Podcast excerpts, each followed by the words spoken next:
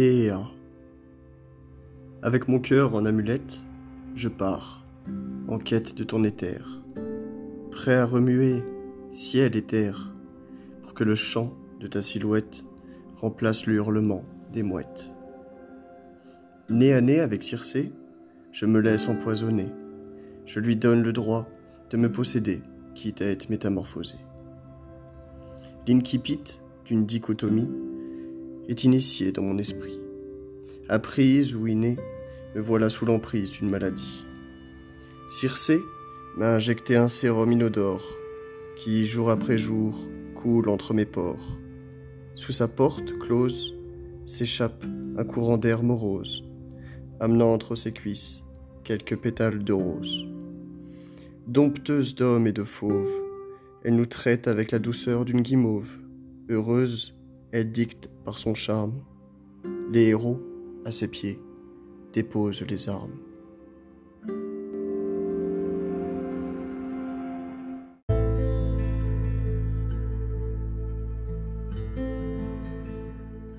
Olympe.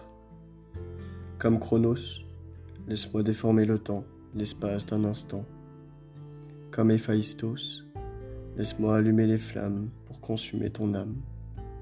Comme Bacchus, laisse-moi nous plonger dans l'ivresse, se perdre dans l'allégresse. Comme Vénus, tu subjugues ceux qui osent te regarder. Mon cœur en pause s'est laissé tenter par ton teint rose et tes cheveux dorés. Paralysé par cet ange charnel descendant du jardin d'Hadès, je m'envole grâce à ma paire d'ailes pour recevoir de sa main une caresse. De quelle divinité es-tu la prêtresse? Apporte-moi des réponses, oracle. Sera-t-elle un jour mienne ou bien maîtresse Destin, apporte-moi une once de miracle. L'ammoniaque colore la pièce, l'effluve de ma plume en guise de parfum. Aphrodisiaque, comme l'une de tes tresses. Dans les tuves, mon écume se glisse dans ton jardin. Toi qui n'as d'égal que chez les nymphes, Laisse mes mots recourir ta lymphe.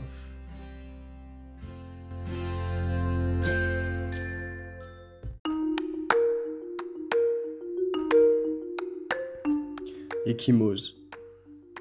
L'accélératrice de particules me fait rentrer en fusion jusqu'à la plus minime de mes molécules. Comme on disait à Albi, me voilà matrixé dans le Face à ton rayonnement, les autres pâlissent, aveuglés, comme pendant une éclipse. Je te regarde pour replonger dans les abysses, et ma peau crame comme sous rayon UV.